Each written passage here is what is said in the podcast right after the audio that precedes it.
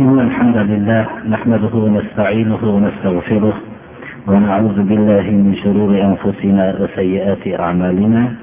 من يهده الله فلا مضل له ومن يضلل فلا هادي له. وأشهد أن لا إله إلا الله وحده لا شريك له وأشهد أن محمدا عبده ورسوله. أما بعد السلام عليكم ورحمة الله وبركاته.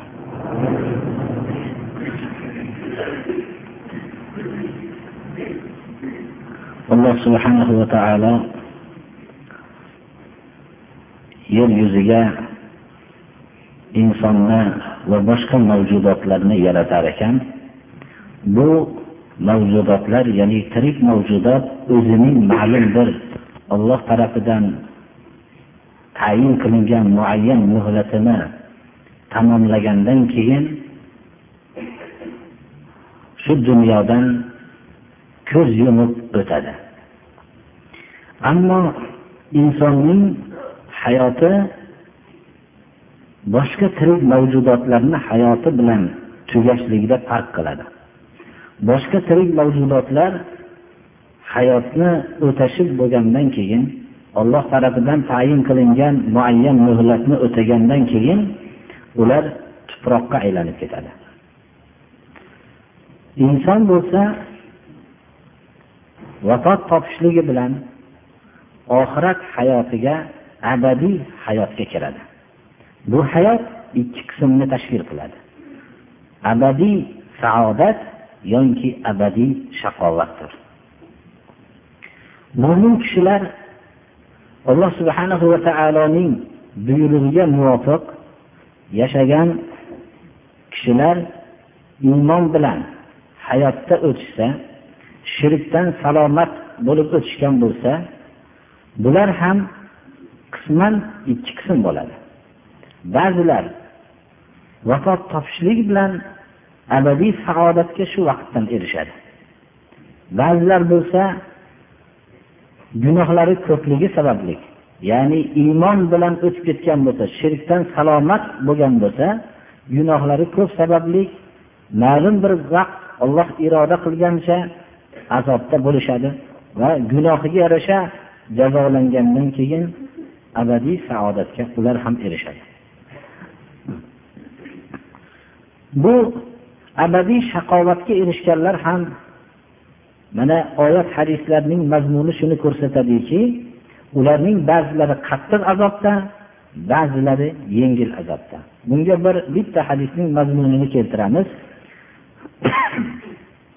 Eng qiyomatda ya'ni oxiratda jahannamda azoblanadi. Azobning eng yengili jahannam ahlining azobdagi eng yengilining tovoni ya'ni oyog'ining ostiga ahmas deydi shu chuqurchog'i oyog'ining chuqurchog'iga cho'g' qo'yib qo'yiladi ikkita cho'g'ni bu cho'g'ning ta'sirida miyasi qaynab turadi. Mana bu jahannamdagi azobning eng yengilidir birodarlar. Uning qattig'ini alloh subhanahu va taolo o'zi biladi.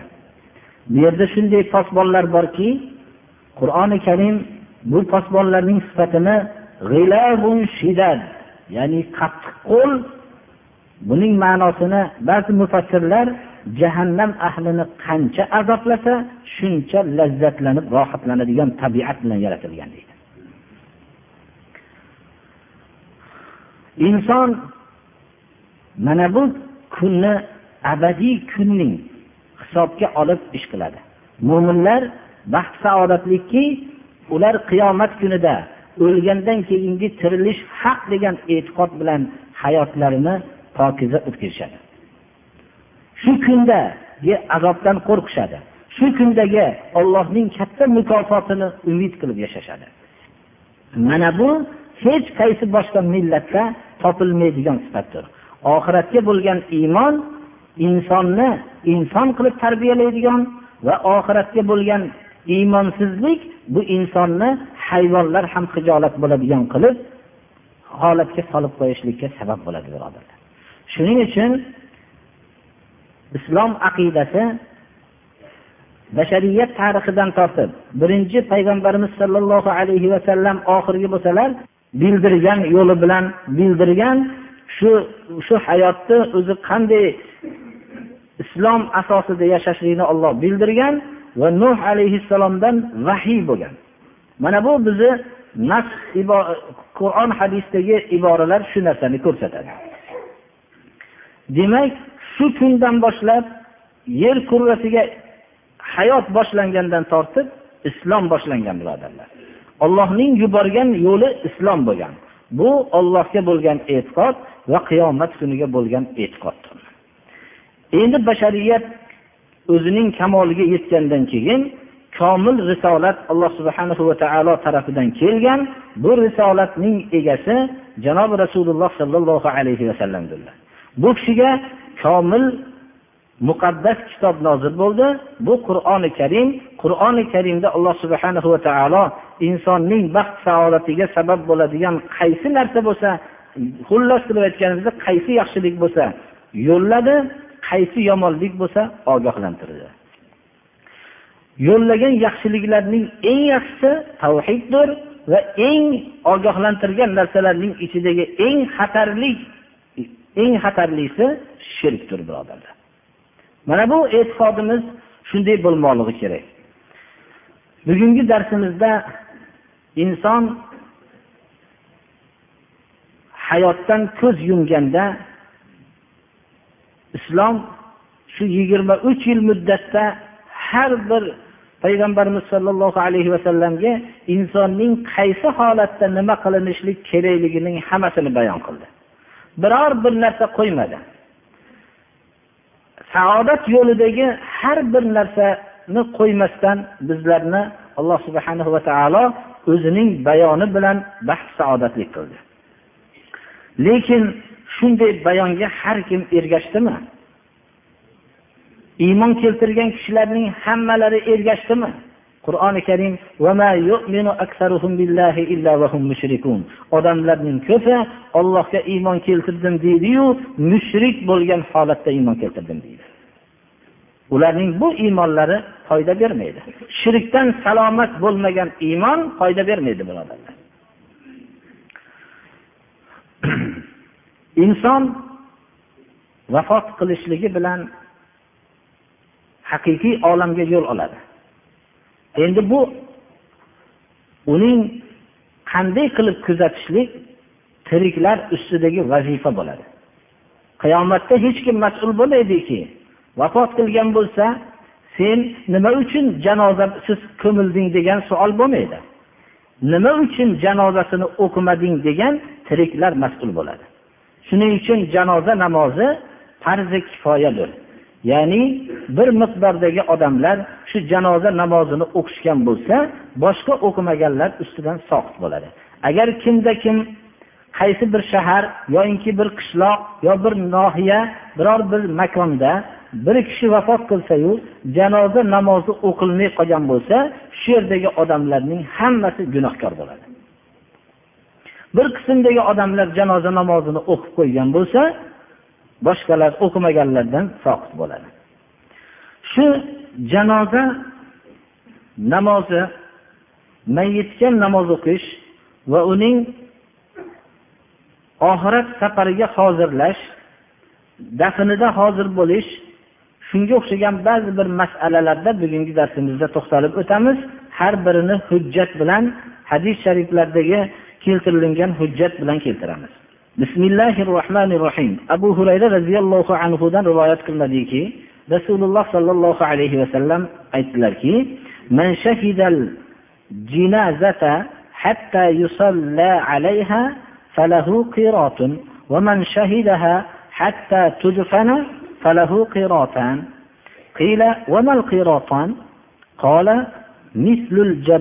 العظيمين muttafaqun alayh.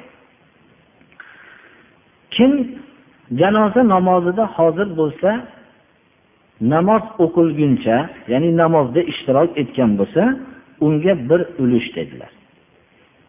Agar janoza namozida hozir bo'lib dafnda ham ishtirok etgan bo'lsa unga ikki ulush dedilar. Shunda so'raldiki bu ikkita ulush nima? deb so'ralganda javobiga katta ikkita tog'ning misolidek savob dedilar. Demak biz shu hadisdan o'zimizga xulosa chiqaramizki janoza namozida ishtirok etish bizning tog' misol katta tog' misolidagi bir ulush savobni olishlikka sabab bo'ladi. Agar dafn marosimida ham ishtirok etsak ikkita ulush olishlikka sabab bo'ladi. Bu hadis sharif mutlaq kelyapti. Biz ham mutlaq tushunishimiz kerak. ba'zilar tomonidan shu narsa ham dafn marosimida ham ishtirok etishlik inson ba'zi narsalarga qayd qilishganlar biz uni qayd qilmaymiz hadis sharif mutlaq kelibdimi biz mutlaq tushunamiz shunga dalolat qiluvchi hadis sharif payg'ambarimiz sollallohu alayhi vasallamdan abu hurayra roziyallohu anhu rivoyat qilyaptilar إيمانا واحتسابا وكان معه حتى يصلى حتى يصلي عليها ويفرغ من دفنها فإنه يرجع من الأجر بقيراطين كل قيراط مثل أحد ومن صلى عليها ثم رجع قبل أن تدفن فإنه يرجع بقيراطين إمام بخاري رواية له janoza namoziga hozir bo'lsa shu ekanda deb mutlaq tushunib qolinishligi uchun tushunib qolinmasinki birodarlar mana bu keyingi hadis biz daqiqdir bizga ba'zi bir xatoyimizni isloh qilyapti. Musulmonning janozasiga ergashgan bo'lsa deydi. Demak musulmon odamning janozasiga ergashishlik qayd qilinyapti. Keyingi avvalgi hadisda jinaza bo'lib mutlaq janoza kelyapti. Musulmon odamning janozasidaga ergashgan bo'lsa mutlaq emas. Hamma kishi ixlos bilan bormaydi janozaga birodarlar. Har xil riyo bo'lishligi ham mumkin. Bormasam bo'lmaydi va hokazo shunga o'xshagan fikrlar bilan bo'lishi ham mumkin. Shuning uchun iymonan vahtisaban janozaga iymonan vahtisaban ajrni faqat ollohdan talab qilib mukofotni faqat ollohdan talab qilib mo'minning ustidagi haq bu deb shu niyat bilan iymon va ollohdan ajr talab qilib ergashgan bo'lsa va shu musulmon janozasi bilan birga namoz o'qiguncha birga bo'lsa dafndan forig'bol bo'lguncha birga bo'lsa ikki ulush bilan qaytadi. Hadis ya'ni davomi avvalgi hadisning ma'nosini o'zidir.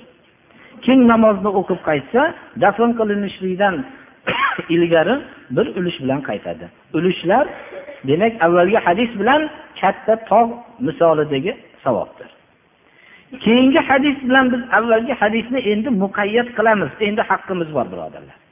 Fikrimiz bilan emas.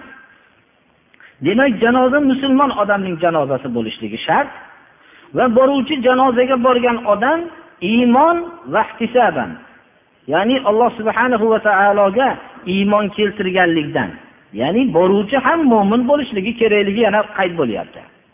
Ba'zi bir janozalarda ishtirok etgan odamlar mo'min emas bo'lgan ishtirok etgan odamlarga u savob yo'qligi. Mo'min bo'lsa endi ajrni faqat alloh subhanahu va taolodangina talab qilish niyatida borgandagina shu mukofotni oladi. Biz musulmon kishi va musulmon ayolning janozasini o'qishlikka ma'murmiz. Bu ajr albatta bizga musulmon kishi va muslima ayolning janozasidan bizga agar iymon bilan va ajrni alloh subhana va taolodan talab qilib o'qisak shu mukofotni olamiz savol bo'ladiki ayollarning janozalariga ergashishligi mumkinmi yo'qmi عن أم عطية رضي الله عنها قالت نهينا عن اتباع الجنائز ولم يعزم علينا janozalarga ergashishlikdan biz qaytarildik deydilar umma atiya roziyallohu anhu va bizlarga qattiq ham bu haqda gapirilmadi demak janozalarga ergashish bu yerdagi ma'no ko'proq birodarlar tobutni orqasidan qabristonga borishlik. Janozaga ergashishlikdan yoyinki bu ittiboil janoiz avvalgi hadis sharifdan janozaga ergashishlik janoza namoziga borishlik. Ayol kishilarning janoza namoziga borishligidan biz qaytarildik deyaptilar. Ya'ni janoza namozida biz janozaga e'lon qilingan vaqtda borib biz borayotgan vaqtimizda bizni qaytardilar rasululloh sollallohu alayhi vasallam. Va bu narsa qattiq bir qaytarilgani ham yo'q. Demak ulamolar shu hadisdan bu harom deb turib qaytarilgan emas. Bu karohat tomonidan qaytarilganligiga ishoradir tushunarli bo'lgandir mana. Janoza namozida hozir bo'lib qolganda savol bo'ladiki juma namozlarida ayollar janozada ishtirok etib qolsa shu janozani o'qishsa mumkinmi yo'qmi? Albatta bular o'qishlari mumkin buni. O'qisa janoza ado topadi janoza namoziga namozxon kishilarni ko'paytirishlikka shu islomni buyruqlariga to'g'ri keladimi yo'qmi oysha roziyallohu anhodan rivoyat qilingan hadis bunga javob bo'ladi rasululloh sollallohu alayhi vasallam aytdilarki ما من ميت يصلي عليه أمة من المسلمين يبلغون مئة كلهم يشفعون له إلا شفعوا فيه imom muslim rivoyat qiladi Bir mayit vafot qilsa dedilar rasululloh sollallohu alayhi vasallam shu musulmonlardan bir jamoa unga namoz o'qigan bo'lsa ummat ummat ko'pchilikni aytadi. Shu soni yuzga yetgan kishi janozada ishtirok etgan bo'lsa hammalari shu mayitga shafoat talab qilib duo qilishgan bo'lsa shafoatlari shu mayit haqida qabul qilinadi dedilar. abdulloh ibn abbos roziyallohu anhudan rivoyat qilingan hadis sharifda aytadilarki sami'tu rasululloh sollallohu alayhi vasallam yaqul ma min rajulin muslimin yamut فيقوم على جنازته أربعون رجلا لا يشركون بالله شيئا إلا شفعهم الله فيه imom muslim rivoyatlari mana bu hadis namoz o'qiguvchi kishilarning kim bo'lishligini ham bizga bayon qilyapti Musulmon kishi vafot qilgan bo'lsa xoh ayol kishi. Chunki hadislarda ayol kishilarga xos bo'lgan bo'lsa hukmlar bayon qilinadi. Ho ayol kishi ho musulmon kishi e, vafot qilgan bo'lsa janozasida qirqta odam janoza namozida turgan bo'lsa. Lekin mutlaq qirqta odam emas birodarlar la yushrikuna billahi shay'an. Allohga hech bir narsani sharik qilmagan. Shirk amalidan pok bo'lgan qirqta odam shu janozada ishtirok etgan bo'lsa alloh subhana va taolo ularning duolarini ijobat qilib shafoat qiladi. Mana bu hammamiz uchun zarurdir birodarlar. Biz har birimiz shirk nima ekanligini mo'minlikni davo qilgan kishilarga o'rgatib ketmoqligimiz kerak. Hatto duo janoza namozida hali ibodatda yo'q odamlarning duosi mutlaq ijobat qilinmaydi birodarlar. Masalalarda borki istisqo yomg'ir talab qilishlikda duo qilinadigan vaqtda qattiq yolborib duo qilinadi. Qahatchilikka qahatchilik bo'lgan vaqtda shu musulmonlarning imomi ya'ni peshvosi hamma bilan sahroga chiqib yolborib ko'p duo qiladi. Muxtasarul viqoya degan fiqh kitobida aytilganki shunda musulmon diyorida ruxsat bilan yashayotgan o'zining botil e'tiqodotida bo'lgan kishini zimmiy deydi. Ya'ni din o'zi ollohga ishonadiyu lekin islomga unamagan. Payg'ambarimiz sollallohu alayhi vasallamga unamagan. Mana bu odamni hozir qilinmaydi shu duoda deydi. Nima uchun? Duo ijobat bo'lmay qoladi. Shuning uchun mana bu yerda duoning ijobat bo'lishligi janozada ishtirok etayotgan odamni qirq kishiga qayd qilinyapti. Bu qayd allohga hech bir narsani sharik qilmagan qirqta odam ishtirok etsa alloh subhanahu va taolo shularning duosini qabul qilib ijobat qiladi deyapti biz hadislarni bir biriga bog'lagan holatda tushunmoqligimiz kerak odam oz bo'lib qolganda janoza o'qilganda qanday qilishlik kerak marsad ibn abdullah yazaniy bu kishidan rivoyat qilinadiki كان مالك بن هبير رضي الله عنه إذا صلى على الجنازة فتقال الناس عليها جزأهم عليها ثلاثة أجزاء ثم قال قال رسول الله صلى الله عليه وسلم من صلى عليه ثلاثة صفوف فقد فقد أوجب mansad ibn abdulloh yazaniy aytadilarki molik ibn hubayra roziyallohu anhu janoza namozini o'qiganlarida odamlarni oz sanab qolsalar odamlar oz deb sezsalar shunda uchga bo'lar ekanlar uch qism qilib uch safga bo'lib turib namoz o'qir ekanlar masalan aytib ko'raylik to'qqizta odam bo'lsa uchtadan turgizib uch saf qilar ekanlar. Rasululloh sollallohu alayhi vasallam aytganlarki deb hujjatlab qo'yar ekanlarki kim mayitga namoz o'qisa qaysi mayitga uch saf namoz o'qisa alloh taolo unga jannatni vojib qiladi degan ekanlar. Yuqoridagi shartlar mo'min va hamma shartlarni o'zimiz avvalgi hadislardan biz tushunib oldik. Demak odamlar oz bo'lib qolgan vaqtda namozni uch saf qilishlikka harakat qilmoqligi kerak. To'qqizta odamni bir saf qilib namoz o'qish ham mumkin lekin buni uch saf qilishlik kerak. Bu faqat janoza namozida birodarlar payg'ambarimiz sollallohu alayhi vasallam janoza namozini qanday o'qiganlar? Ho'p janozani biz ajrlarni bildik. Janoza namozini qanday o'qiganliklarini shu hadislarga murojaat qilamiz. Va keyin bundan inshaalloh xulosa yasaymiz. Abu hurayra roziyallohu anhudan va abi qatoda va abi ibrohim al ashhaliy uchta roviydan rivoyat qilingan hadis shariflarda payg'ambarimiz sollallohu alayhi vasallam bir janoza namozini o'qidilar. Allohumag'fir li hayyina va mayyitina va kabirina unsana shahidina shu shu duoni o'qidilar.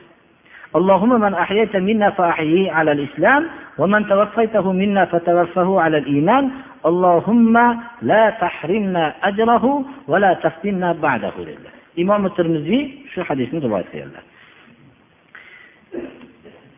janozaning oxirgi takbiridan keyin o'qilinadigan ya'ni uchinchi takbirdan keyin o'qilinadigan duoda turli rivoyatlar kelgan Bu narsa bizga ko'rsatadiki ma'lum bir duoni o'ziga cheklanib qolishligimizga hojat yo'q.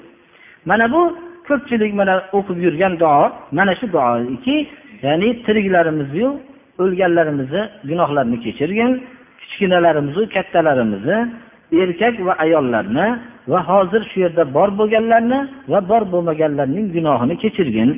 Hayot bag'ishlagan kishilarni islomda yashatgin. Va vafot toptirganlarni iymonda vafot toptirgin. Ey olloh shu odamning ajridan mahrum qilmagin bizni ya'ni biz ibodat qilib janoza namozini o'qib biz ajrlanyapmiz shu ajrdan mahrum qilmagin. Va bu kishida bu kishidan keyin bizlarni fitnaga giriftor qilmagin deb duo qiladilar ba'zi hadis shariflarda payg'ambarimiz sollallohu alayhi vasallam abu abdurahmon ibn avf ibn molik rivoyat qiladilar. Janoza namozini o'qidilarda duolarni yodlab oldim deb abu abdurahmon ibn molik aytadilar. اللهم اغفر له وارحمه وعافه واعف عنه وأكرم نزله ووسع مدخله واغسله بالماء والثلج والبرد ونقه من الخطايا كما نقيت الثوب الأبيض من الدنس وأبدله دارا خيرا من داره وأهلا خيرا من أهله وزوجا خيرا من زوجه وأدخله الجنة وأعذه من عذاب القبر ومن عذاب النار rasululloh sollallohu alayhi vasallam shu duolarni mazmuni shuki buni gunohlarni mag'firat qilgin rahmatingga olgin ofiyatlik qilgin uni afv qilgin uning tushadigan turadigan o'rnini mukarram qilgin kiradigan joyini keng qilgin va suv bilan qor bilan do'l bilan poklagin va xatolardan tozalagin xuddi oq kiyimni kirdan pokiza qilganingdek. Va bu dunyoda qo'yib ketgan uydan yaxshiroq uyni bergin va ahllaridan yaxshiroq ahllarni bergin va juftidan ko'ra yaxshiroq juftlarni bergin. Jannatga kirgizgin azobi qabrdan saqlagin azobi nordan saqlagin dedilar. Hatto roviy aytadilarki ya'ni avf ibn molik shu o'lgan odam men o'zim bo'lsamidi deb orzu qildim dedilar. Imom muslim rivoyat qilganlar. Birodarlar azobi qabr haqidagi hadislar sahih hadislar sihoh zikr qilingan. Bu haqda jumhur ulamo sahih hadislarni inkor qilishlik bu aqida bobida inkor qilishlik xatarga olib boradi. Manhajdagi bir xatarga olib kiradi. Shuning uchun mana bu payg'ambarimiz sollallohu alayhi vasallamdan rivoyat qilingan sahih hadislarda bu imom muslimni mana jomi sahiylarda keltirilgan azobi qabrdan saqlagin deb duo qilganlar. Ba'zi rivoyatlarda shu duoda allohumma anta robbuha va anta xalaqtaha va anta hadaytaha lil islam va anta qadabta ruhaha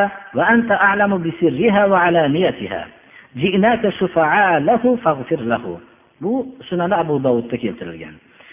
Ey olloh sen bu mayitning robbisan va buni o'zing yaratgansan islomga o'zing yo'llagansan ruhini o'zing olding buni ichiyu tashini sen biluvchiroqsan biz bunga duo qilib duo qilgani keldik sen gunohlarni mag'firat qilgin deb duo qilinadi birodarlar. Boshqa hadislarda ham duolar bor birodarlar. Shu yerda bir ulamolar o'rtasida ixtilof bo'lib qolganki janoza namozida ho'p nechta takbir aytilinadi? Ba'zilar ko'proq takbir aytishadi. Aksar ulamolar mana imom navaviy ham o'zlarining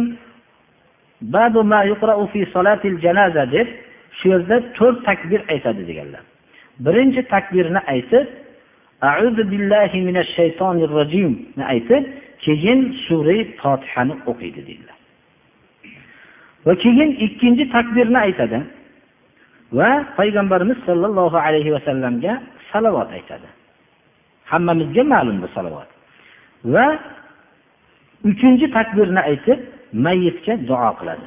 Duolarni biz hozir mana ba'zilariga ishora qilib o'tdikki shu duolarning qaysinisini o'qisa unga ruxsatdir va to'rtinchi takbir bilan tamomlaydi. Ba'zi bir odamlar tarafidan salovat aytilgan vaqtida shu ikkinchi takbirni aytgandan keyin salovat o'qiydi.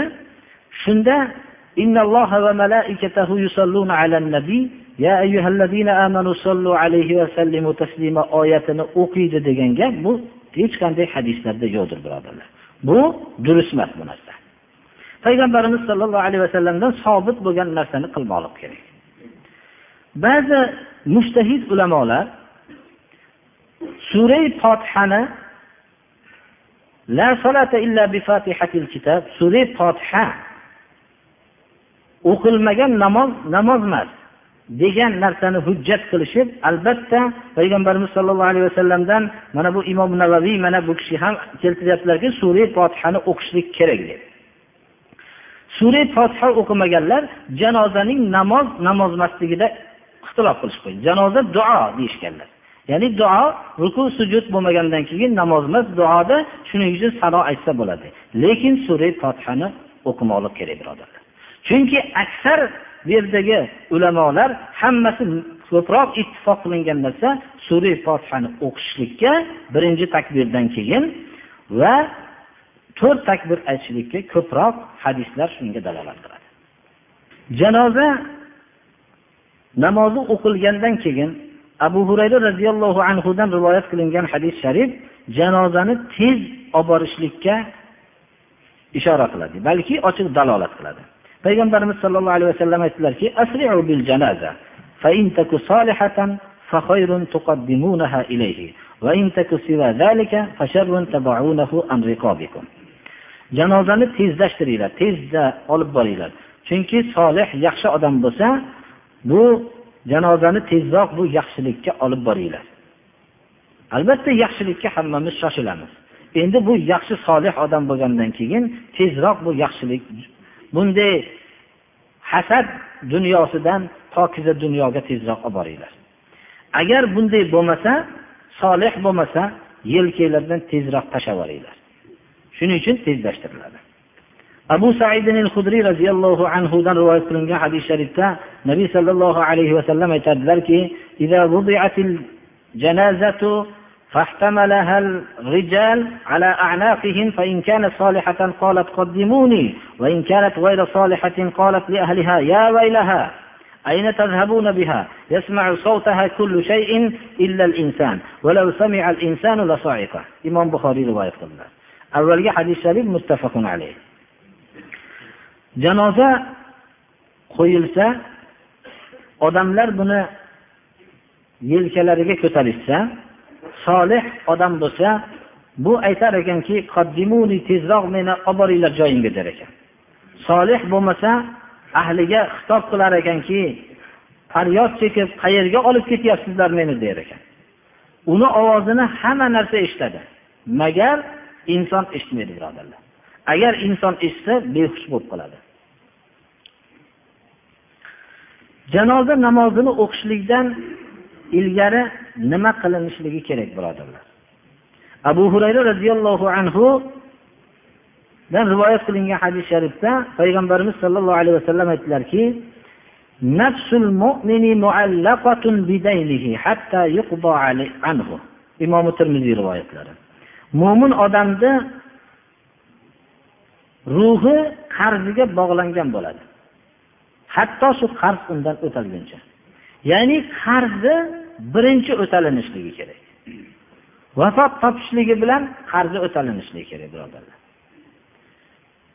Mana shu masala hozirgi vaqtda nihoyatda birodarlar beparvo bo'lingan masaladir hozir. Odamlar mana bu qarzdan qo'rqmay qolgan davrda yashayapmiz birodarlar. Shahidni hamma gunohi kechiriladi ammo qarzi kechirilmaydi. Shahidni ham qarzi kechirilmaydi. Chunki qarz odamning haqqidir birovni haqqidir. Shuning uchun qarzni bog'lanib turadi. Vafot topishligi bilan rasululloh sollallohu alayhi vasallamning odati sharifalari avvali islomda qarzini so'radilar so'raganlaridan keyin shu qarzni bor bo'lsa kim o'tab qo'yadi derdilar. Birov o'tab qo'yaman deyolmasa janozalarni o'qimasdilar boshqa odam o'qirdi chunki bu hozirgi vaqtdagi farzandlar tarafidan men o'tab qo'yaman deb qo'yilgan so'z emas bu. Mo'min odamni so'zi juda baland turadi.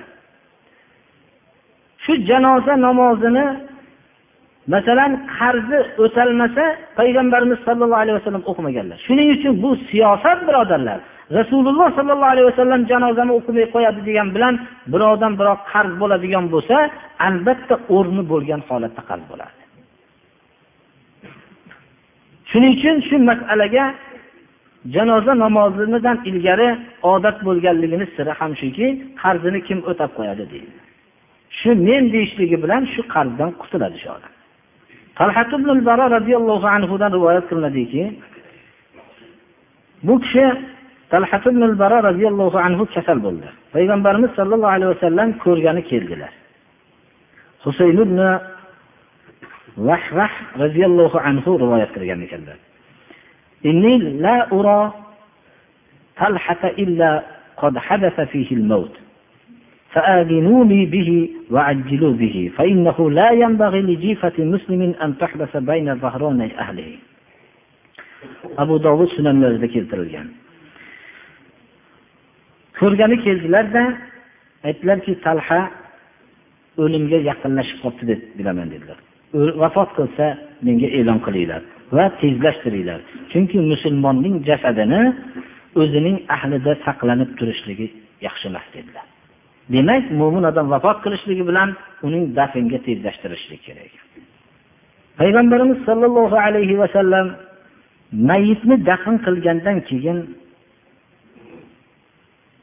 ozgina turar ekanlar.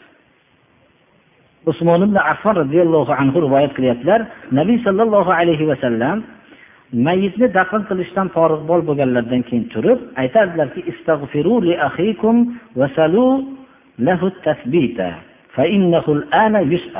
imom abu dovud rivoyat qilganlar. Birodaringlarga istig'for aytinglar va unga tasbit suol javobdagi barqarorlikni mustahkamlikni so'ranglar. Hozir so'ralyapti birodaringlarga amr ibn as roziyallohu anhu ham aytgan ekanlarki mana bu kishi ulug' sahobalardan meni dafn qilsanglar فأقيموا حول قبري قدر ما تنحر جزور ويقسم لحمها ويقسم لحمها حتى أستأنس بكم وأعلم ماذا أراجع به رسل ربي meni dafn qilsanglar qabrimni atrofida bir tuyani so'yilib go'shti taqsim qilinguncha miqdorda turinglar hatto sizlar bilan unis bo'lib turay. Robbimni elchilariga nima bilan murojaat qilaman shuni ham shunda unis bo'lib turay sizlar bilan deb shu vasiyat qilgan ekanlar. Shu narsalar ko'rsatadiki demak dafndan keyin mayitni haqqiga duo qilib turishligimiz bu narsa yaxshi amallardan ekan. Mayitni jonibidan sadaqotlar qilishlik mumkinmi yo'qmi? payg'ambarimiz sollallohu alayhi vasallamdan mana bu hadis jomi hadis rivoyat qilingan abu hurayra roziyallohu anhu rivoyat qiladilar payg'ambarimiz sollallohu alayhi vasallam aytdilarki صدقة جارية أو علم ينتفع به أو ولد صالح يدعو له imom muslimni rivoyatlarda keltirilgan inson vafot qilsa amal uziladi amali to'xtaydi lekin uchta tarafdan amali to'xtamaydi Birinchisi yurib turgan sadaqot. Yurib turadigan sadaqot ko'p narsalarni o'z ichiga oladi. Masalan bir kishi bir odamga bir libos olib berdi. Shu libos yo'q bo'lib ketguncha shu odam olib bergan odam o'tib ketsa shuni ajri bo'ladi. Yoinki bir masjidga yordam berdi yoinki biror kishiga topolmayotgan kitobini olib berdi. Mana shu sadaqai joriya yurib turgan sadaqat bu buni ma'nosi ko'pdir birodarlar. Yoki foydalanib turiladigan ilm qo'yib ketdi shar'iy ilm. Bir kishiga masalan shariat ilmini o'rgatib qo'ygan edi. Shu shariat ilmini o'rgatib qo'ygan bo'lsa shu ilmdan manfaat borib turaveradi. Chunki bu ilm davom etaveradi boshqalar o'rganaveradi o'sha narsani. Uchinchisi solih farzand qilgan bo'lsa. Duo qilib turadigan solih farzand qilgan bo'lsa. Mana bu hadisni biz diqqat bilan qarasak birinchi savob borib turadigan amalni sadaqoting jariya bitta sifati bor. Yurib turgan sadaqat bo'lishi kerak. To'xtab qoladigan sadaqa bo'lmasligi kerak. Bizni aksar ulamolar aksar birodarlar musulmonlarimiz yurib turgan sadaqat qilishmaydi. Shu vafot topishligi bilan qo'radagi qo'yni so'yishdan boshlashadi.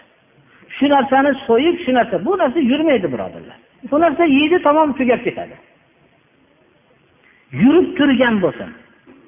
Yurib turadigan bo'lsin. Islom ibodatni juda ham bu yerda e'tibor qilganki ham mayyitga manfaati bo'ladi ham tirikka manfaat oladi. Islomdagi sadaqotlar hammasi shunday birodarlar. Tiriklar foydalanadi. Bizlarning ko'pi hozirgi vaqtda bo'layotgan qilayotgan odamlarning sadaqotlari mayitga foydasi yo'q tirikka zarari bor. Qaysi tomondan aksar shu ziyofatlarni tekshirsangiz odamlarning vaqtini olinadi. Musulmonlarning foydali vaqtlari eng kerakli vaqtlari shularga ketadi. Ikkinchidan shu narsa takror takror ma'lum bir kunda bo'lganligidan bir mahallada uch to'rt marta ham kelib yuraveradi. Bu tirikchilik vaqtidan tashqari salomatligiga ham zarardir. Uni moli davlatini hali merosdan sarf qilib qo'ygan bo'lsa qiyomat kuni javob beradi birodarlar. U hali yetim bo'lib qolganda uni sarf qilganda u ovqat emas ular jahannamda o'ti u.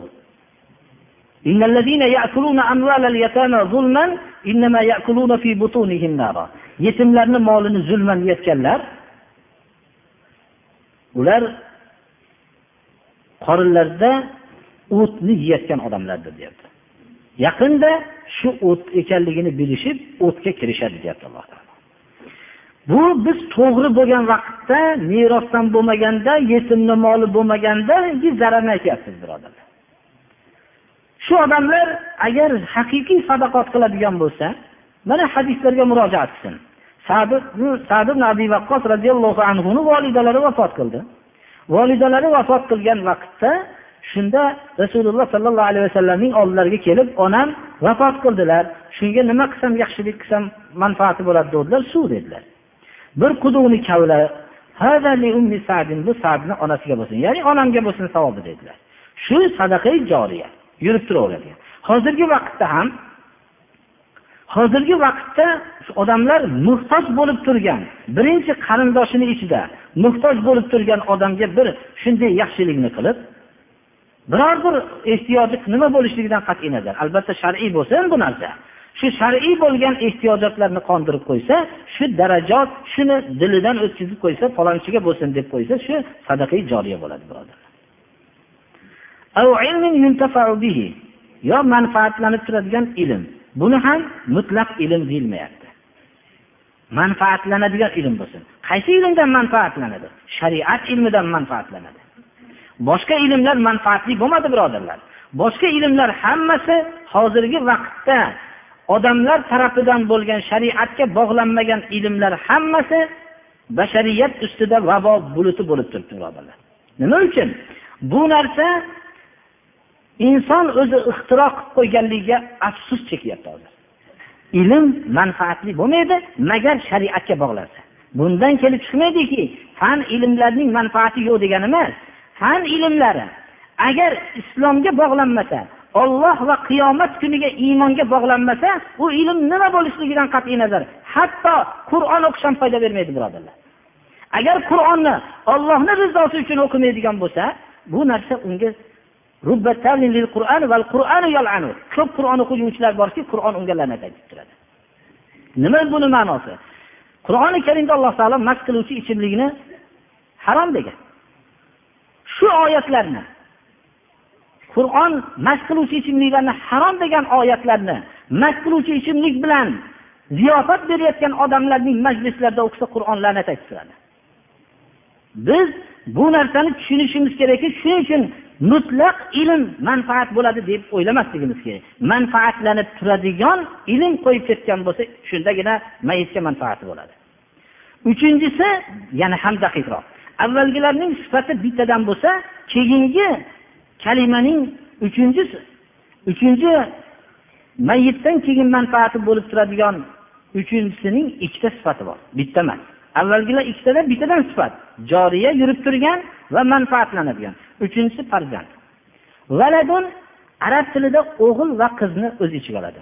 Ya'ni bir kishidan keyin o'g'il va qiz qoldi. Lekin mutlaq o'g'il va qiz qo'yib ketgan odamlarga savob borib turmaydi birodarlar. Ba'zi o'g'il qizlarni qo'yib ketgan odamlar borki agar shularni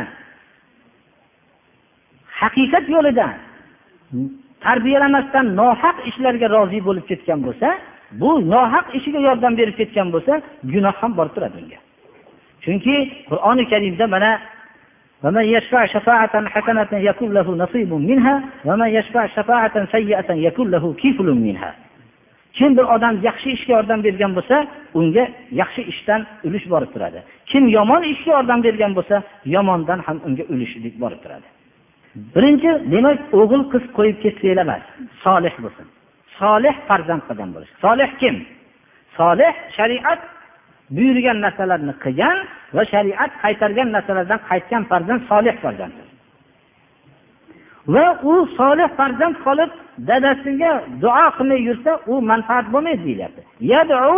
Duoni ham shart qilinyapti. Demak farzandi solih bo'lsin va duo qilib turadigan bo'lsin mana bu narsa mo'min farzand qolib dadasiga duo qilmay yursa u manfaat bo'lmaydi deyilyapti duoni ham shart qilinyapti demak farzandi solih bo'lsin va duo qilib turadigan bo'lsin.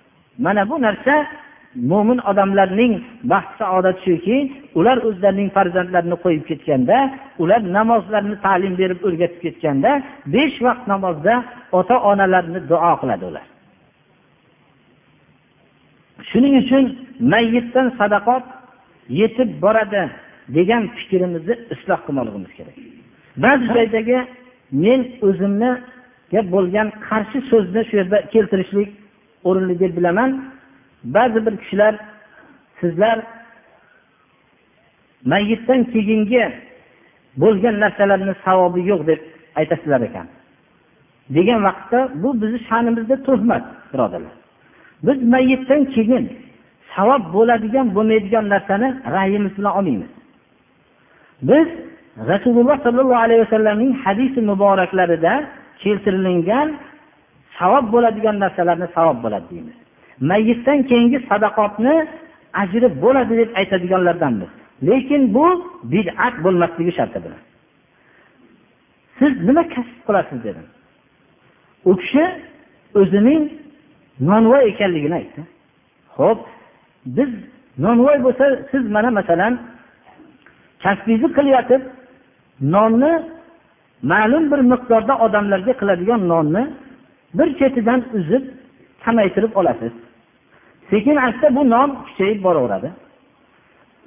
Shu nonni bozorda sotayotganingizda har xil odamlar olib bu nonni olgan vaqtda sizni birinchi qarg'ab oladi ba'zi odamlar mustasno qarg'amay oladiganlar. Bu muhtojlar oladi shular olib ota onangizga la'natlar aytib shu nonni oladi. Shunday tarbiyalagan ustozlariga la'nat deb turib oladi. Siz bundan katta daromad qilasiz. Daromadni qilib borib sizga bozordagi meva chevalar yoqmaydi siz dadangizga ehson qilmoqchisiz. Meva chevalar yoqmaydi sizga handom pissalari yoqmaydi siz nihoyatda bir ajoyib ko'rkam qilib har xil odamlarni aytib kelasiz. Aytib kelgan vaqtingizda siz bu izdihomingizda o'tiradi. Buni siz sadaqot qilyapsiz. Aslida islomdagi sadaqot muhtojlarga bo'lishligi kerak o'zi ochni to'ydirishlik bo'lishi kerak. Mana bu narsalarda sizni odamlar qur'on aytyaptiki qur'onlar tilovat qilinadi. Qur'on aytyaptiki birovlarni haqqini yemanglar deyapti. E, yeyilgan narsa bilan siz qur'on o'qityapsiz. Biz sizga aytyapmizki biz aytayotgan narsa shuki siz shunchalik ma'lum bir miqdorda nonni qiling shundan topgan kasb halolingizdan shundan boying kambag'al bo'ling deyotganimiz yo'q. Lekin shu bir miqdordagi molni topganingizdan keyin bu ham menga juda yetarli bo'lyapti. Endi shu narsani jinday bir miqdorda shu nonga qo'shib qo'ying deb bir chimdim olishni o'rniga bir chimdim siz qo'shib qo'ying. Dilingizda shuni savobi dadamga bo'lsin deng. Shu qo'shayotganingizda har birida dadamga yo volidamga bo'lsin deb qo'shing. Qo'shganingizdan keyin sizni noningizni olayotgan odam sizni haqqingizga duo qiladi. Mana bu falonchini nonini oling uni noni bir ajib bir juda me'yordan kattaroq shunday tarbiya qilgan ota onasini olloh rahmat qilsin u tarbiya bergan ustozini olloh rahmat qilsin deb bu narsani sizdan olayotgandagina duo qiladi. Siz haligi duo qilmasa ham siz qo'shganligingiz bilan ota onangizga sadaqot yuborayotgan edingiz bu duolar bilan yana siz boshqa sadaqotlarni ham yuborasiz. Shuning uchun mana bu narsa qur'on buyuryapti. Lekin biz aytayotgan narsa shuki har bir kasb egasi o'zining kasbida halol bo'lib turib shuni o'zining kasbidan bir ollohni yo'lida bir narsa ajratishlik bilan ota onasiga sadoqat yuborsin degan narsani ta'lim beryapti. Lekin bu narsani birov bilmaydi. Odamlar sizni ko'rkam holatda bu amalingiz ko'rinmaydi. Shu vaqtda bundan ham oshgan vaqtida mahallangizda muhtoj odamlar bo'ladi. Shundan ikkita yo to'rtta bir nonni kirgizib men shundan bemalol davlatman bo'lyapman deb kirgizing uni alohida quvonch bilan yeb o'tirishib sizni haqqingizga va o'tgan ajdodlaringizni haqqiga duo qiladi.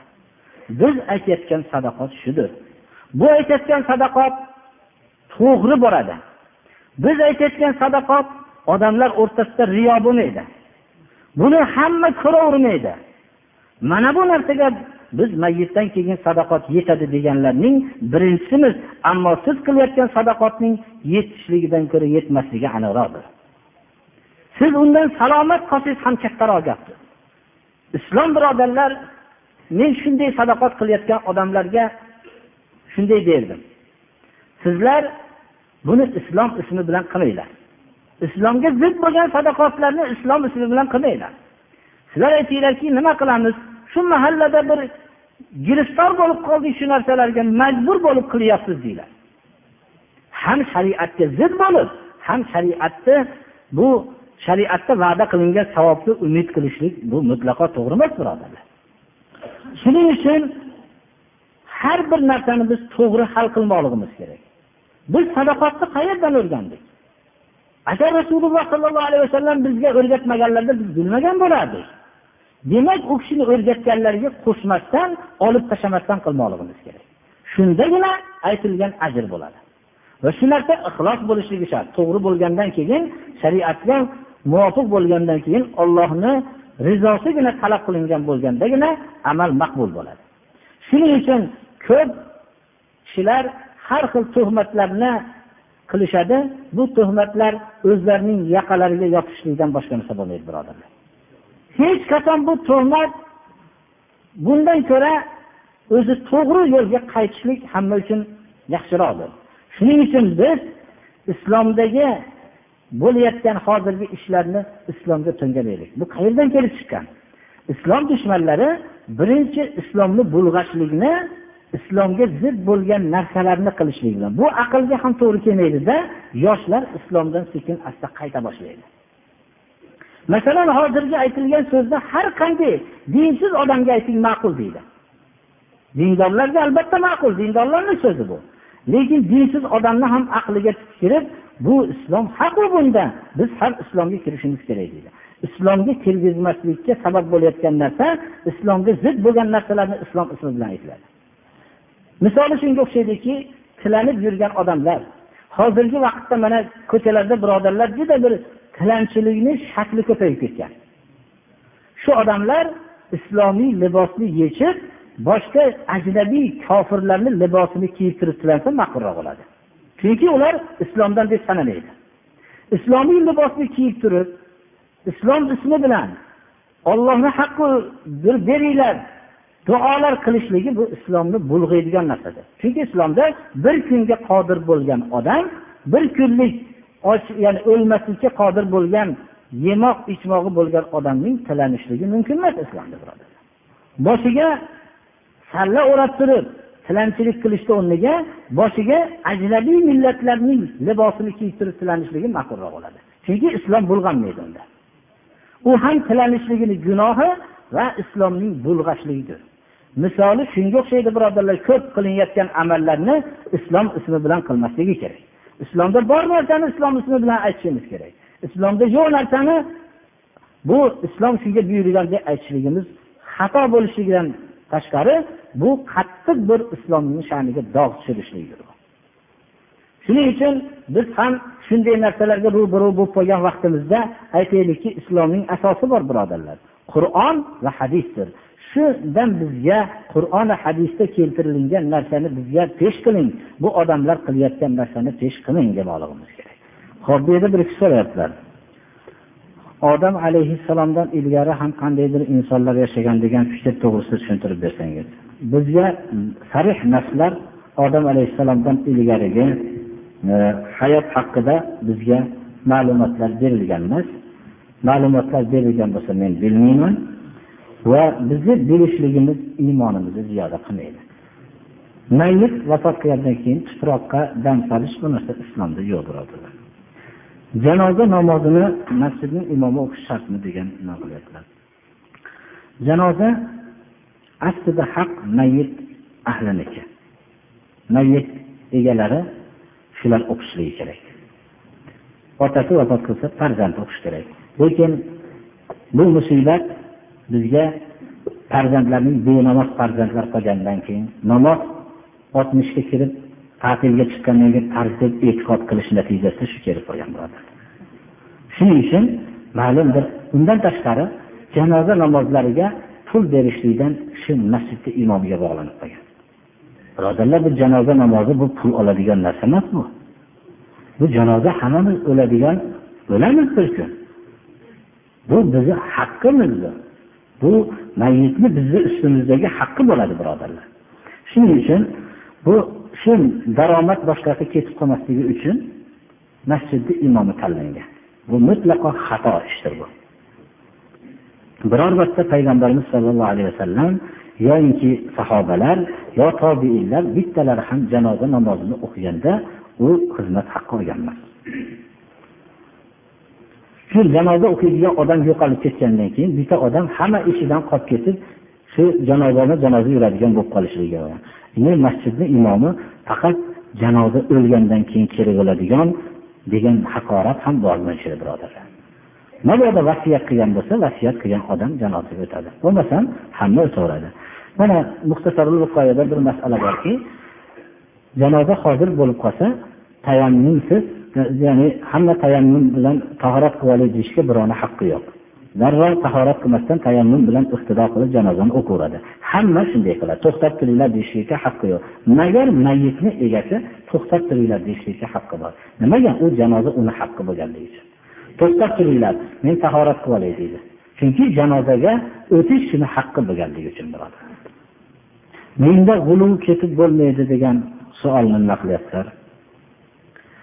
dinda g'uluv ketib bo'lmaydi degan narsa haddidan oshib ketmaslik kerak dinda masalan dinda buyurilganlarni qiling yangilik ixtiro qilmang qattiqroq ko'proq amal qilamiz demang masalan buni g'uluvni misollari ko'p. Bizga ertaman ikki rakat farzmi bomdod bundan ilgari ikki rakat namoz o'qilinadi ikki rakat farz. Buni ko'proq ibodat qilaylik deb to'rt rakat o'qisa xato bo'ladi. Bir odam shariatda buyurilgan narsaga bir narsa qo'shsa shu g'ulur ketgan bo'ladi haddidan oshgan bo'ladi. O'tgan millatlar shu yo'l bilan adashib ketishdi. Mayyit to'g'risida ba'zi savol bo'libdi o'zini joniga qasd qilgan bo'lsa janozasini o'qisa bo'ladimi? Yo'qmi degan savolga janozasini hurmatli kishilar o'qimaydi siyosatan birodarlar. Kim o'zini joniga qasd qilsa janozasi o'qilmay qoladi degan siyosat bo'lishligi kerak. Shuning uchun hurmatli odamlar borib janozasida ishtirok etmaydi. Xohlagan odam bormaslikka haqqi bor. Lekin bu degan so'z mutlaqo o'qib bo'lmaydi degani emas birodarlar maxfiy holatda bir bitta ikkita odam o'qib qo'ysa bo'laveradi. Mayitni bu tahlil aytishlar bu narsalar islomda yo'q birodarlar. Birorta hadis yo bundan sobit emas bu tahlil faloncha son pistoncha son degan narsa bo'lgan emas bo'lmasam sahobalar payg'ambarimiz sallallohu alayhi vasallamga yo tobiylar sahobalarga o'qishgan bo'lardi. Bu narsa yo'q aslida. Masalan bahriddin nuriddin degan nomlar durustmi deb so'rabdilar bu kishi. Bahriddin deb bahr deb dengiz aytadi. Durust bo'laveradi. Nuriddin degan dinni nuri bo'lsin degani bu durust bo'laveradi g'usul qilayotganda biror bir suv boshqa odamga chachrab ketsa g'usuli qabul bo'ladimi yo yo'qmi dedilar. Ya'ni bu degan so'z qabul bo'ladimi deb so'rashligi noto'g'ri. Qabul bo'ladi g'usul qilsa lekin suv chachrasa u odamga nima bo'ladi deb so'rasa ma'qulroq. Ya'ni u odamga u odamga shu nima bo'ladi deyilsa biz aytamizki o'zi ba'zi mushtahidlarni fikrlarida o'rtada nima bor? Mana hadislarda borki rasululloh sollallohu alayhi vasallam oysha onamiz bilan bitta idishda qo'lda suv olib g'usul qilganliklari rivoyat qilinadi. Bu bilan bir narsa bo'lmaydi birodarlar. Lekin ehtiyot qilinishligi kerak. Ba'zi nimalarda bir marta yuvilguncha bo'lgani yaxshi bo'lmaydi. Shuning uchun uyqudan turgandan keyin qo'lni avval yuvib olishlik kerak.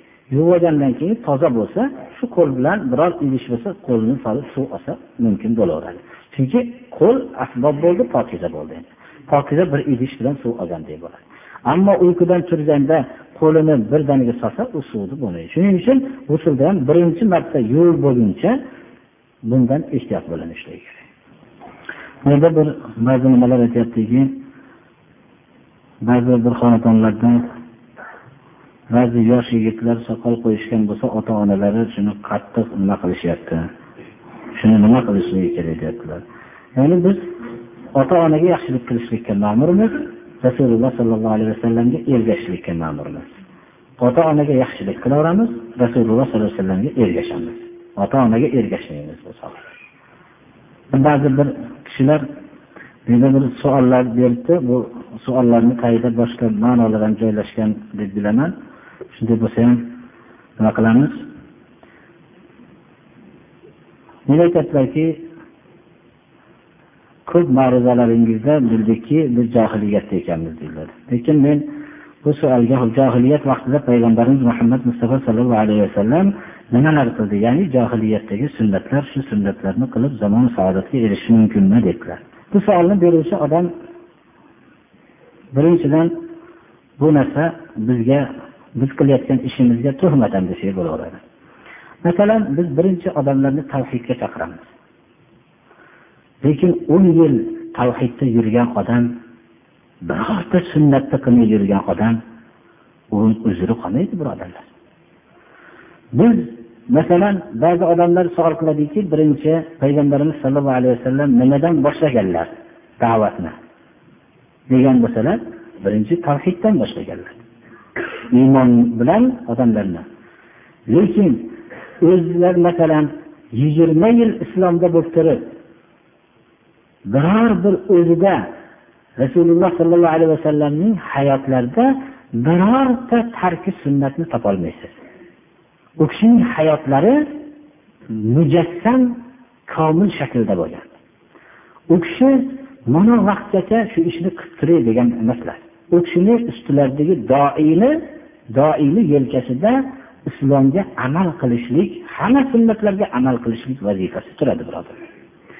U bu masalan sunnatlarni bajarayotgan sunnatlarni qilinglar degan odamlar anchadan beri namoz o'qiyotgan odamlar. Biz birinchi bir islomga kirgan odamga hech qachon biz aytmaganmizki u odamni sen birinchi misvoq tutishing kerak degan emasmiz. Bu bizga qimmat bu narsa. Lekin yigirma yil o'qigandan keyin kashandalikni boshlagan odamda bu narsani hech hujjat qilolmaydi bu odam. Yigirma yil dinni o'qib turib kitobi sunnatni o'qib turib kashandalikni boshlab yuborgan odam bu odam xilof sunnat bu bu shariatga zid ishni qilyapti deydi. Lekin bir odam kashanda bo'lsa u odamni birinchi sen kashandaligingni tashladan boshlagan emasmiz biz hech qachon. Biz u odamga birinchi namoz o'qi deganmiz iymonni tushuntirganmiz. Unda payg'ambarimiz sollallohu alayhi vasallam iymondan boshlagan bo'lsalar umrimizni oxirigacha iymonni gapirib namozni gapirmay o'tib ketaverishimiz kerak emas.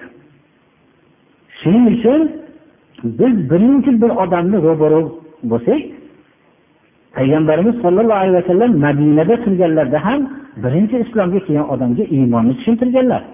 U kishiga misvot demaganlar lekin yigirma yil namoz o'qib yurgan odam misvak tutmasligiga yo sunnatga amal qilmasligiga nima hujjati bor? O'zini.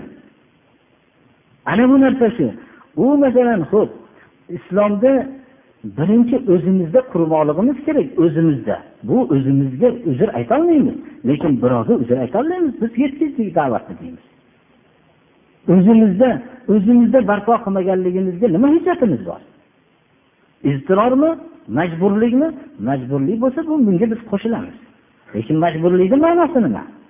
Majburlik ham islom tarozisida o'lchanmoqligi kerak shuning uchun biz bu savolni biz kengaytirib aytishlik o'rni emas hozir biz e, darsimiz cho'zilib ketadi. Payg'ambarimiz sollallohu alayhi vasallam o'n besh yildan keyin ham makka muhitida turolmaganlar. U kishi shu muddatda turolmaganlar. Agar rasululloh sollallohu alayhi vasallamning o'zlarini yo'llarini tiklamoqchi bo'ladigan bo'lsak u kishining yo'llarini faqat shunday o'zida bo'lsa u u kishi faqat iymon masalasida makkada gapirgan bo'lsalar namoz o'ninchi yilda farz bo'lgan mast qiluvchi ichimlik madinada harom qilingan va hokazo. Shuning uchun biz o'zi bu narsani odamlarni birinchi islomga chaqirishlikda birorta odam ixtilof qilmaydiki iymonga chaqirishlik kerakligida. Lekin u hali necha yildan keyin ham bo'lgandan keyin islomda o'zini amallarni orqaga qaytarishlik bu hech qachon mumkin emas birodarlar menda bir kishi savol qildilar shuni payg'ambarimiz sollallohu alayhi vasallam kimki qur'onni yangi nozil qilingan deb o'qishini xohlasa abdulloh ibn masudga o'xshagan o'qisin degan so'z bor. U kishi qanday qilib o'qiganlar degan savol bo'lyapti. Men shu narsani bilmayman. Qanday qilib o'qiganliklarini mumkin shu ya'ni tartib bilan o'qisa shunday o'qishga harakat qiladi. Tartib ya'ni har bir oyatni o'zi nima qilib harflarni talaffuzi bilan o'qi lekin qanday o'qiganliklarini men bilmayman. Ba'zi bir kishilar duo qiling debdilar. Onamiz betob dedilar alloh subhanahu va taolo shifo bersin. Alloh subhanahu va taolo bu farzandlariga ham shifo bersin. Bir kishi bir omonat nima qiluvdi? Alloh taolo shu qizi bir yaxshi o'qiyotgan qiz ekan bizdan kasalman to'xtatdi alloh taolo bir shifo bersin. Alloh subhanava taolo hamma ahli islom bemorlarga shifo bersin. Darsimizni davom etsin darsga amal qilishlikka alloh taolo tavfiq bersin. Alloh subhanava taolo islomga yordam berayotganlarga yordam bersin. Zarar yetkazayotganlarga alloh o'zi kifoya qilsin. Gunohlarimizni mag'firat qilsin ibodatlarimizni alloh qabul qilsin. Mehmonlarimizni ham qadamlariga rahmat bersin